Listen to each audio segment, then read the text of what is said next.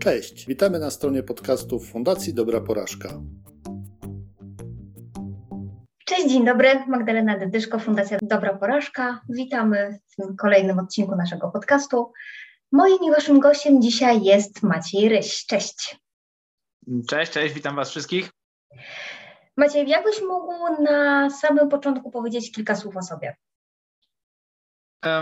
To może tak bardzo szybko postaram się. E, także nazywam się Maciej Ryś, to już zostało wspomniane.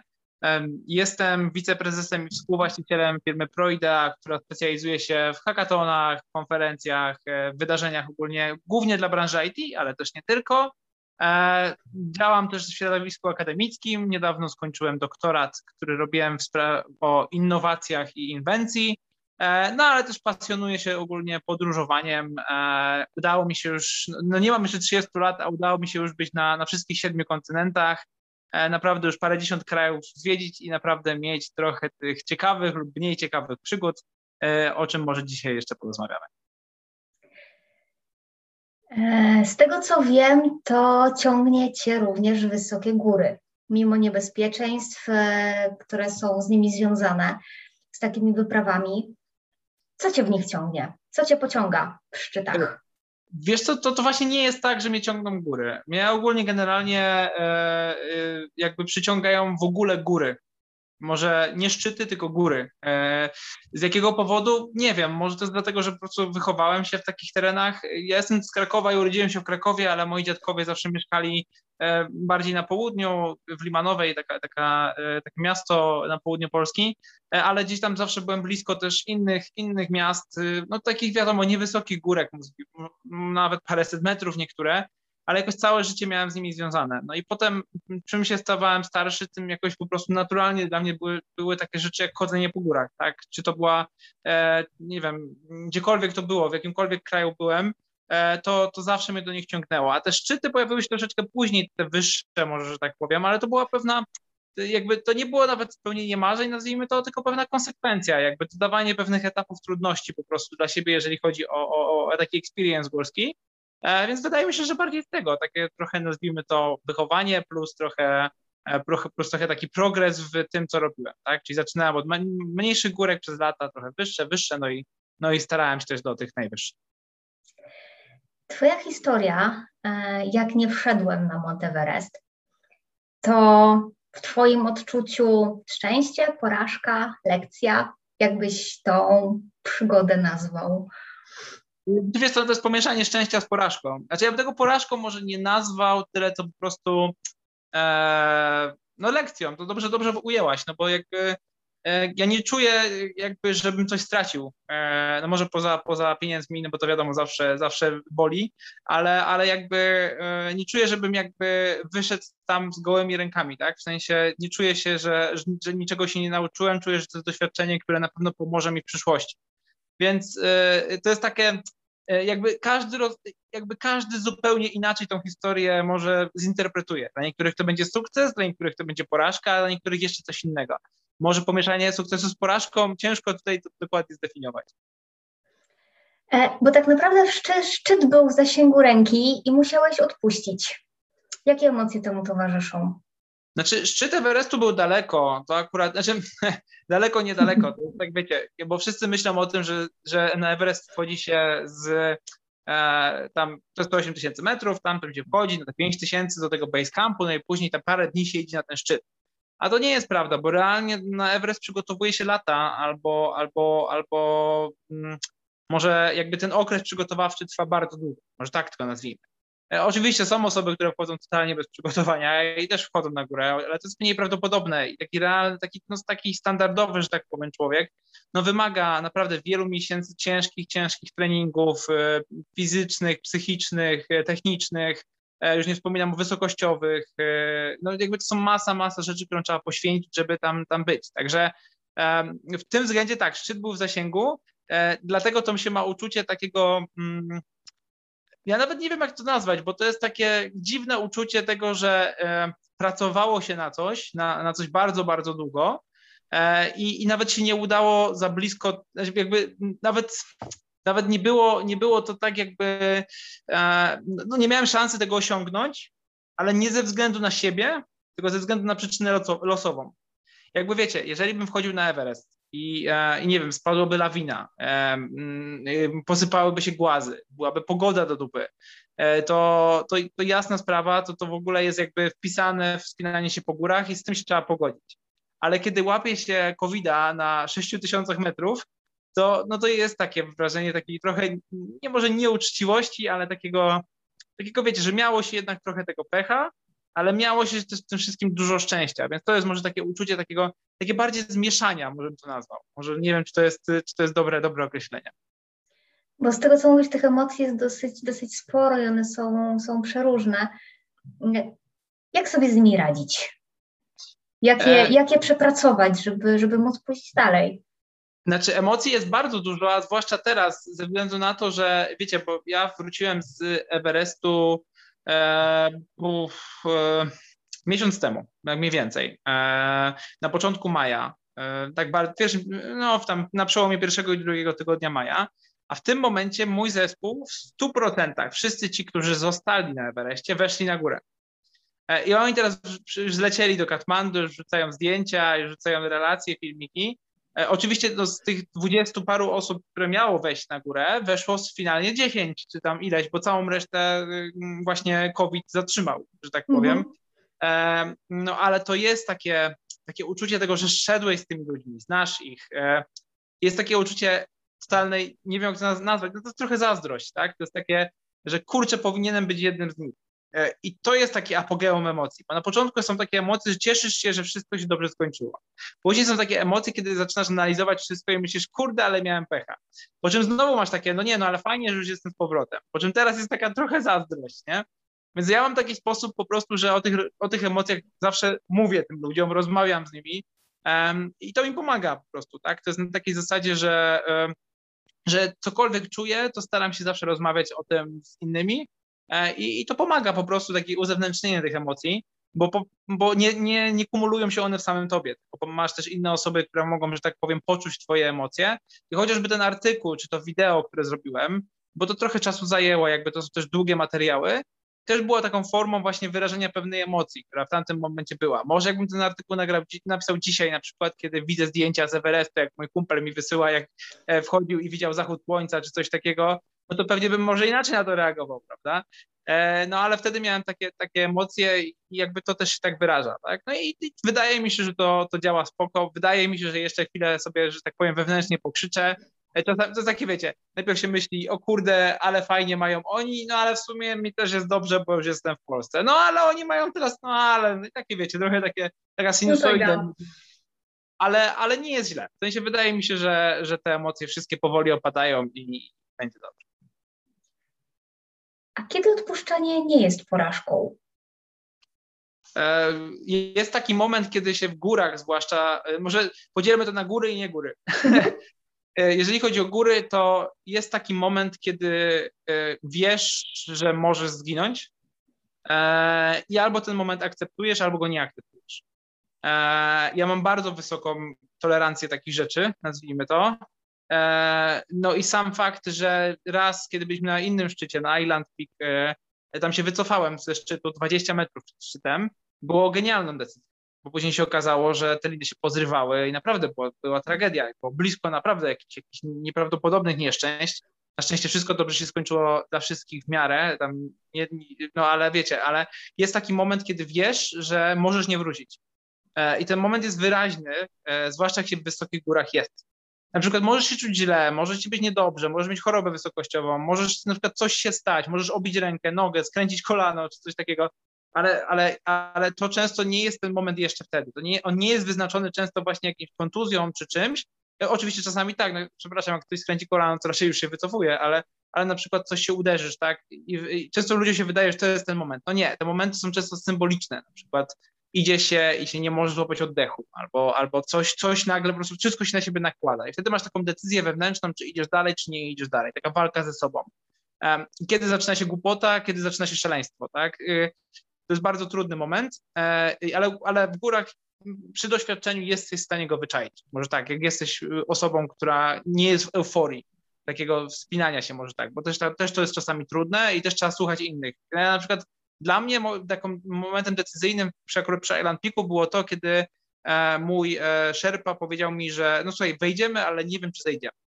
Tak? No to jak mi osoba, która się wychowała w tych górach mówi takie rzeczy, to dla mnie to był jasny sygnał, że, że no nie, to, to chyba jednak nie jest dobry pomysł, nie jest to tego warte, e, więc, więc czas zejść, tak? I, i taki to jest symboliczny moment, który się wydarzy. I tak samo jest w, w życiu, nie? W sensie, jeżeli, jeżeli mówimy tutaj tylko per se o, o na przykład biznesie, czy o projektach w ogóle, które robi się w życiu, to, mm, to tu jest trochę prawa, sprawa bardziej skomplikowana, bo, bo, bo to się dzieje trochę wolniej, tak? W sensie na przykład, nie wiem, case prosty, jak na przykład kiedy e, jest takie znane powiedzenie, że w startupach, zwłaszcza w przedsięwzięciach technologicznych, że no startups fail, only funders quit. E, czyli oznacza to, że żaden startup nie upadnie do momentu, kiedy nie wyjdą z niego ludzie, którzy go tworzą. A tworzą go do momentu, kiedy no, czasami jest to nieracjonalne właśnie, bo na przykład brakuje im wszystkiego w życiu, nie mają gotówki, nie mają pieniędzy, nadal tworzą startup. I to są przykłady wielu startupów, które się udały, ale są również takie większość, która się nie udała. Ludzie popadli w długi, mieli gigantyczne problemy prawne czy inne rzeczy związane z prowadzeniem takiego, takiego, takiego przedsięwzięcia. Więc to jest właśnie taki moment, nie? Kiedy, kiedy odpuścić na przykład pewne przedsięwzięcie biznesowe, kiedy odpuścić pewien projekt. E, wydaje mi się, ja mam taką technikę tego, żeby robić takie, takie tabliczki, może wewnątrz głowy, czy na przykład na kartce papieru nawet plusów i minusów w danym momencie życia, czy, czy jestem i perspektywy planów strategicznych, czyli czy jestem w stanie, czy widzę potencjał tego, że coś się może udać, tak, czy to się może udać, czy się może nie udać. No i zresztą to samo, jakby to jest właśnie doświadczenie, które tu się krosuje, czyli doświadczenie życiowe i na przykład takie w górach. W pewnym momencie musisz zrobić sobie szybką analizę, czy, czy, czy, czy, czy jeżeli zrobisz krok więcej, to czy on przyniesie zamierzony efekt. Jeżeli wiesz, że ten moment jest po prostu już jakby jest niebezpieczny, lub jeżeli ta analiza wychodzi na, że tak powiem, pod kreską, no to czas odpuścić. Czyli tak naprawdę przewidzenie zbliżającej się, nie wiem, porażki, katastrofy, czy to w biznesie, czy, czy, czy w górach, to przede wszystkim doświadczenie, zimna kalkulacja tak naprawdę i, i działanie przede wszystkim z głową, nie, nie na emocjach. Tak, to jest, to jest główne. Jakby jeżeli jesteś w stanie wykluczyć emocje, to też jest zawsze dobre, bo e, e, przykładowo, kiedy ja wchodziłem na te góry, to zawsze starałem się zrobić wszystko, żeby tych emocji było jak najmniej. To, o czym powiedziałeś, doświadczenie jest tutaj kluczowe, czyli e, na przykład jeżeli wchodzisz po skałach w Tatrach, uczysz się, e, parę razy obijesz plecy, parę razy obijesz nogi, ręce i tak dalej, to jeżeli obijesz je później w Himalajach, to już nie będzie ci tak bardzo bolało, tak? Prosta rzecz, więc to doświadczenie, które masz, pozwala ci na zbudowanie doświadczenia y, dalej. Tak? I to nie mówię tutaj tylko o górach, czy to jest góra w stylu Kilimandżaro, które się po prostu idzie, czy to są już trudniejsze góry technicznie, e, to doświadczenie się po prostu buduje. I tak samo jest w życiu, kiedy jedną rzecz nam się nie uda, e, druga rzecz nam nie uda, trzecia rzecz nam się nie uda, no to staramy się robić ją inaczej, lepiej, bardziej kombinować i tak dalej. Ja, ja już miałem kiedyś o tym mówiłem, ja nie do końca, zawsze, zawsze nie lubiłem tego patosu takiego że wszystko w życiu się uda. Że jeżeli będziesz dużo pracował, jeżeli bardzo się na czymś skupisz, to zawsze ci się to uda. Nie? Jest taki patos takiego, to jest takie amerykańskie bardzo, e, coś, co, co mamy. No właśnie tak nie jest. E, ja to zawsze będę powtarzał. Czasami po prostu, niezależnie jak bardzo będziesz się na czymś skupiał i jak bardzo będziesz chciał czegoś, to się może nigdy nie wydarzy.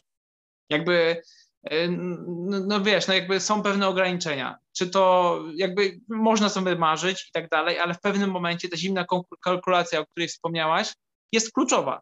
Co nie zmienia faktu, że rzeczy wielkie powstają w szalonych głowach i, i trzeba być szalonym, e, ale, ale szalo, szaleństwo wcale nie wyklucza zimnej kalkulacji. Ja na przykład wiele ludzi uważa, że ja jestem szalony, albo nie powiem brzydkiego słowa jak i na P, e, ale, ale mimo wszystko jakby za tym wszystkim idzie jakaś kalkulacja, jakaś, jakiś plan, jakaś strategia, która, te plany mogą być totalnie odjazdowe, ale miejmy co do tego jakieś, jakieś wiecie, jakieś, jakieś kroczki, bo one pozwalają nam na zobaczenie tego, czy to idzie w dobrą stronę, bo droga do pewnego celu może być zupełnie inna i doprowadzić nas do zupełnie innego celu niż byśmy chcieli początkowo, ale może być zdecydowanie ciekawsza. Czyli czyste szaleństwo w granicach rozsądku. Czyste szaleństwo poparte kalkulacją. Może tak, bo rozsądek wcale nie jest zawsze dobry. Ja uważam, że wyłączyć lampkę rozsądku. E, tak, też mówiłeś, że himalaizm jest to ekstremalne wyzwanie, jakby nie patrzeć pod każdym względem. Mhm. Co go uczy? Szacunku do życia, myślę najbardziej zdecydowanie.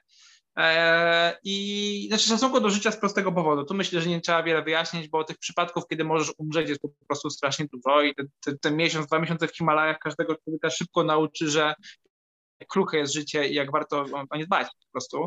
I zwłaszcza jak się łapie tak jak covid i lądujesz w szpitalu. No w ogóle człowiek ma szybką, szybką lekcję też przyspieszoną, żeby filozofów wszystkich zrozumieć.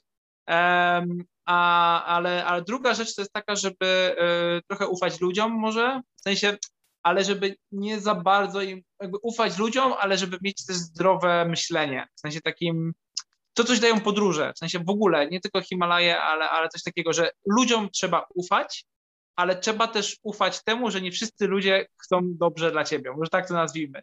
E, mhm. e, I że jakby że ludzie są egoistami, tak? W sensie zawsze będą grali dla, dla swojej bramki, i warto po prostu mieć to pod uwagę, ale nie zmienia to faktu, że ludziom po prostu trzeba ufać, bo ludzie są generalnie dobrzy, e, tak na świecie, no nie tylko w Polsce, ale na całym świecie, ale trzeba, trzeba też e, pilnować swojego interesu i mieć to z tyłu głowy, może tak to nazwijmy, e, ale ja będę zawsze to powtarzał. Przykładowo, ja pojechałem z, z, do Nepalu z nepalską agencją, nepalską, której w ogóle wiecie, no to jest totalnie lokalna agencja, którą oczywiście miałem zarekomendowaną przez zresztą jedną z koleżanek, która wchodziła na Mount Everest ale, ale, ale ich nie znałem, tak?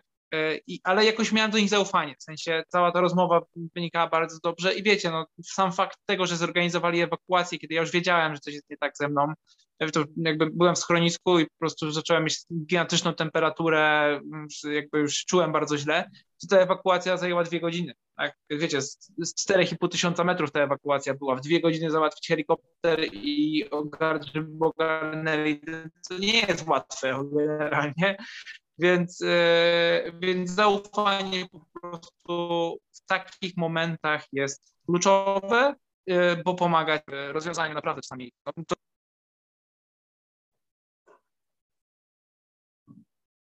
A powiedz mi, te doświadczenia zebrane w górach, no bo jak już powiedziałeś, na życie prywatne się miały swoje przełożenie. A jeżeli chodzi o biznes? Wiesz co, wydaje mi się, że to jest dokładnie to samo, o czym powiedziałem przed chwilą, czyli że jakby docenienie takich prostych rzeczy w biznesie e, każdego dnia ze współpracownikami, żeby było miło, fajnie i tak dalej, to jest myślę kluczowe. E, no ale też jakby to, żeby być w stanie, e, to, to o czym przed chwilą powiedziałem, trochę szaleństwa, ale zimna kalkulacja, żeby to było pewną zasadą, która pozwala na rozwój też nie tylko biznesu, nie tylko człowieka, ale też jakby całości całości różnych projektów i tak dalej. No, to jest takie, wydaje mi się, dość, dość kluczowe. A, czyli Maciej, ten, który wspina się e, po górach, zdobywa szczyty, to ten sam Maciej e, w biznesie? Ten sam. Ten sam. Ja myślę, że ludzie, którzy znają mnie od 15 lat czy 20 lat, dalej myślą, że jestem tym samym człowiekiem, który był 15 czy 20 lat temu. E, ja generalnie jestem, cokolwiek robię, staram się być sobą. Znaczy to jest głupie, starać się być sobą, po prostu jestem sobą. Najprościej jak to można. Właśnie, wiesz, ja właśnie staram się być zawsze prosty. Jakby to jest, to jest często, często mi to ludzie wypominają, że, że ja staram się być szczery i prosty. No, no po prostu, jakby to, nie jest w tym nic dziwnego. lubię, lubię, lubię, lubię e, jak jest, jak jest coś po prostu jasne dla wszystkich, klarowne, jak jest e, proste, jak jest szczere. Tak? Jeżeli jesteś szczery dla ludzi, to oni będą szczeri dla ciebie. I to jest takie przyjemne. I to na całym świecie, nie tylko w Polsce. A czym jest dla ciebie porażka? Jak ją, jak ją rozumiesz, jak ją definiujesz? I czy ewentualnie, nie wiem, masz jakieś rozdzielenie, jeżeli chodzi o definiowanie E, porażki e, w rozumieniu takim, nie wiem, chodzenia po górach, zdobywania gór, biznesu i życia prywatnego, czy jednak ta definicja jest, że tak powiem, wspólna dla, dla całości? Ja myślę, że wspólna, ale właśnie to cię nie wiem, czy zaskoczy, czy nie zaskoczy, ale ja ogólnie nie, nie uważam rzeczy za porażki. E, w sensie, ja uważam, że są wszystko rzeczy, które doprowadzają mnie do, do bycia osobą, którą jestem teraz. Wiesz, jak pisałem doktorat, to musiałem się odbić od ściany akademickiej, żeby móc w końcu, jakby wiesz, raz mnie prawie z doktoratu wyrzucili, później nie chcieli przepuścić w ogóle, później wylądowałem na innej uczelni, którą całe szczęście jakby trafiłem do innych profesorów, którzy pomogli mi w tym wszystkim, żeby to osiągnąć.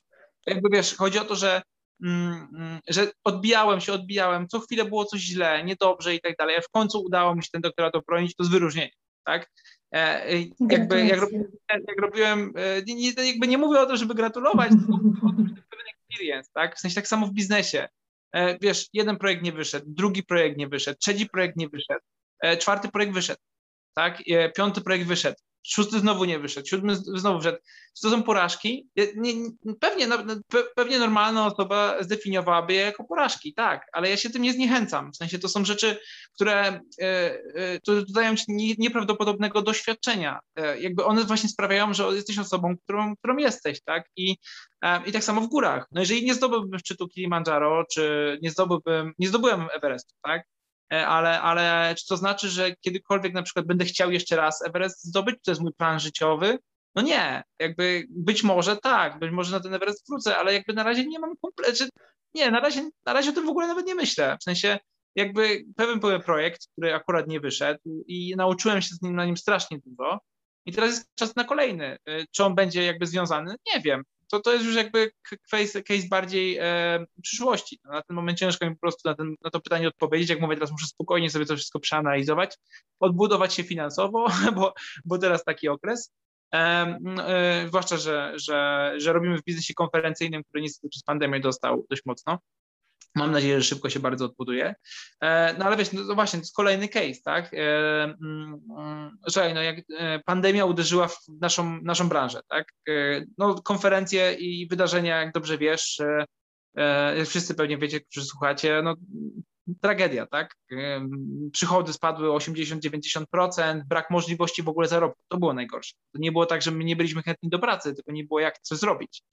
No i wtedy można było się poddać, jak wiele, wiele firm zrobiło, albo można było kombinować. My nigdy nie przestaliśmy kombinować. Jakby staraliśmy się od samego początku rzeczy robić, kombinować i tak dalej. Jakby i, i to jakby nie, nie spowodowało, że, że jest idealnie, tak? Jakby są pewne problemy, wyzwania, które teraz próbujemy rozwiązać. Musieliśmy pewne rzeczy pozmieniać, pewne redukcje poczynić i tak dalej, ale przetrwaliśmy jako firma i teraz staramy się zrobić nowe rzeczy, nowe projekty, nowe, jakby cały czas być na, na chodzie, żeby być w stanie te rzeczy zrobić. Więc ja tak definiuję po prostu, może tak to nazwijmy, że dla mnie każda porażka jest to, co powiedziałeś na początku, lekcją, która pozwala na zebranie doświadczenia, i to nie jest tak, że ja będę snęcił i mówił, że ojej, to mi się nie udało, teraz mi się nic w życiu nie uda, tylko po prostu zabieram to do woreczka, który nazywam Maciek 2007, 8, 9, 10 i tak dalej, i tak dalej. Jadę dalej. I, I, tak mi się to wydaje. Jakby definiowanie czegoś jako porażka, e, nie wiem, czy jest dobre. Z każdej porażki można coś wyciągnąć. Czyli tak naprawdę lekcje, doświadczenie, e, nauka na przyszłość, którą można zastosować na każdym etapie dalszego życia i rozwoju, czy zawodowego, czy biznesowego. No bo tak jest, nie? W sensie życie biznesowe i życie, um, życie takie normalne, że tak powiem, one się są łączą. Wszystkie te doświadczenia, które zbierasz, czy to w Himalajach, czy w biznesie, czy robiąc doktorat, czy nie wiem, sprzątając podłogę, każde z tych doświadczeń może ci się przydać w przyszłości. Nigdy nie wiesz często, jak to będzie możliwe. Na przykład y, taki case. E, kiedyś utknąłem na granicy chińsko-rosyjskiej. E, tak, to jest w ogóle jeszcze temat na inną historię. W ogóle kiedyś może opiszę tę historię, bo one są, większość ludzi dalej mi nie wierzy, że one się wydarzyły. E, nie, będę, nie będę opowiadał szczegółów, ale powiedzmy, że utknąłem na granicy i, i wiesz, i nagle przydał mi się rosyjski, którego uczyłem się 5 lat wcześniej, e, czy tam ileś tam lat wcześniej, e, którego kompletnie nie umiałem. W sensie zdałem ten artykuł dlatego, że byłem Polakiem i coś tam byłem w stanie zrozumieć, co mówili do mnie, ale to było na takiej zasadzie. I wiesz, i, i nagle zacząłem, e, jak miałem odpowiednią ilość adrenaliny, to jakby ten, to skill, który miałem z mówieniem po, po rosyjsku jakichś podstawowych słów, uratował mi wtedy pewnie dupę, tak? W sensie, wiesz o co chodzi, jakby to jest, nigdy nie wiesz, kiedy doświadczenie z przeszłości uda, przyda się teraz. Dokładnie, no nigdy nie wiesz. I to jest pewna piękność życia, tak? Ta niespodziewaność tego. Więc ja jestem z tych, co zbieraj doświadczenia jak najwięcej w życiu.